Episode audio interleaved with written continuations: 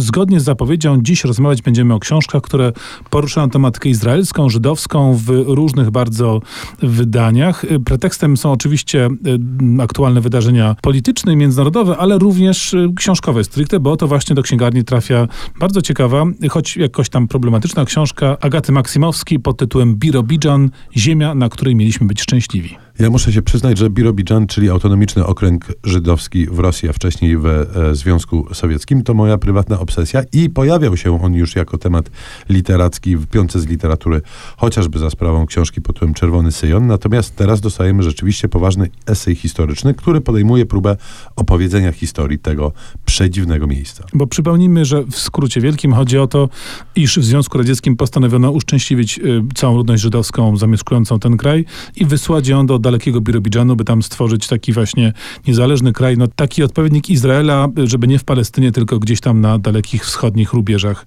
Związku Radzieckiego i to no, udało się umiarkowanie. Udało się umiarkowanie z wielu różnych przyczyn, bo początki były niezłe, mimo komarów i błock, bo to bardzo przedziwna jest kraina geograficzna, później nastąpiły stalinowskie czystki, które doprowadziły właściwie do ruinacji życia żydowskiego.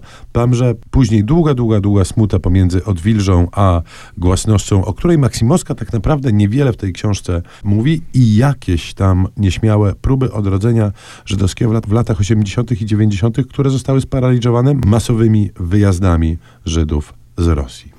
No a teraz Birobidżan w jakiś sposób próbuje wrócić do y, tej swojej historii, do pewnej przeszłości, choć dziś jest to bardziej pewne doszukiwanie się, świadome dążenie do, y, do, do powrotu do tradycji. No i sposób na promocję regionu, bo to życie żydowskie staje się taką atrakcją turystyczną wręcz.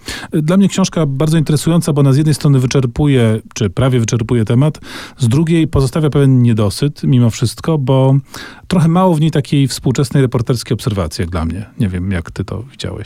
Tak, to znaczy e, problemem tej książki jest przede wszystkim to, czego w niej e, nie ma. Są pewne okresy historyczne, które są przez autorkę e, pominięte albo potraktowane po macoszemu, a o samym miejscu w sensie geograficzno-kulturowym też dowiadujemy się niewiele. Natomiast temat sam w sobie jest na tyle fascynujący, że stanowczo namawiamy, by po tę książkę sięgnąć. A teraz kolejna dość świeża nowość, powieść dla młodzieży.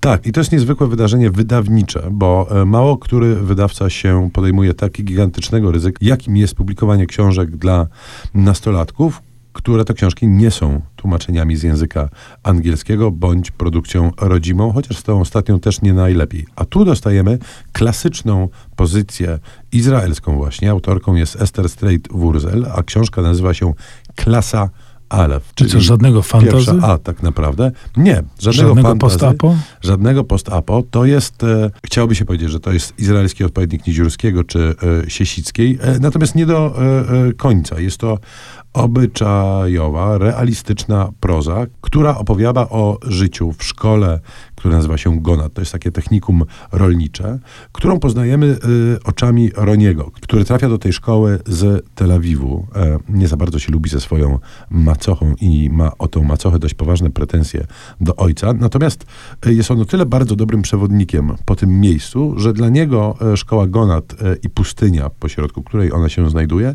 jest prawie tak egzotyczna jak dla nas. I rzeczywiście e, z dość dużą ilością szczegółów poznajemy życie codzienne w technikum rolniczym w Izraelu, ale co ważniejsze, jest tu cała masa e, wartości dodanej, jak chociażby m, dawno zapomnianych e, już wartości, które powinniśmy wśród nastoletnich łebków krzewić. Z tymi łebkami to przesadziłeś. No może odrobinkę.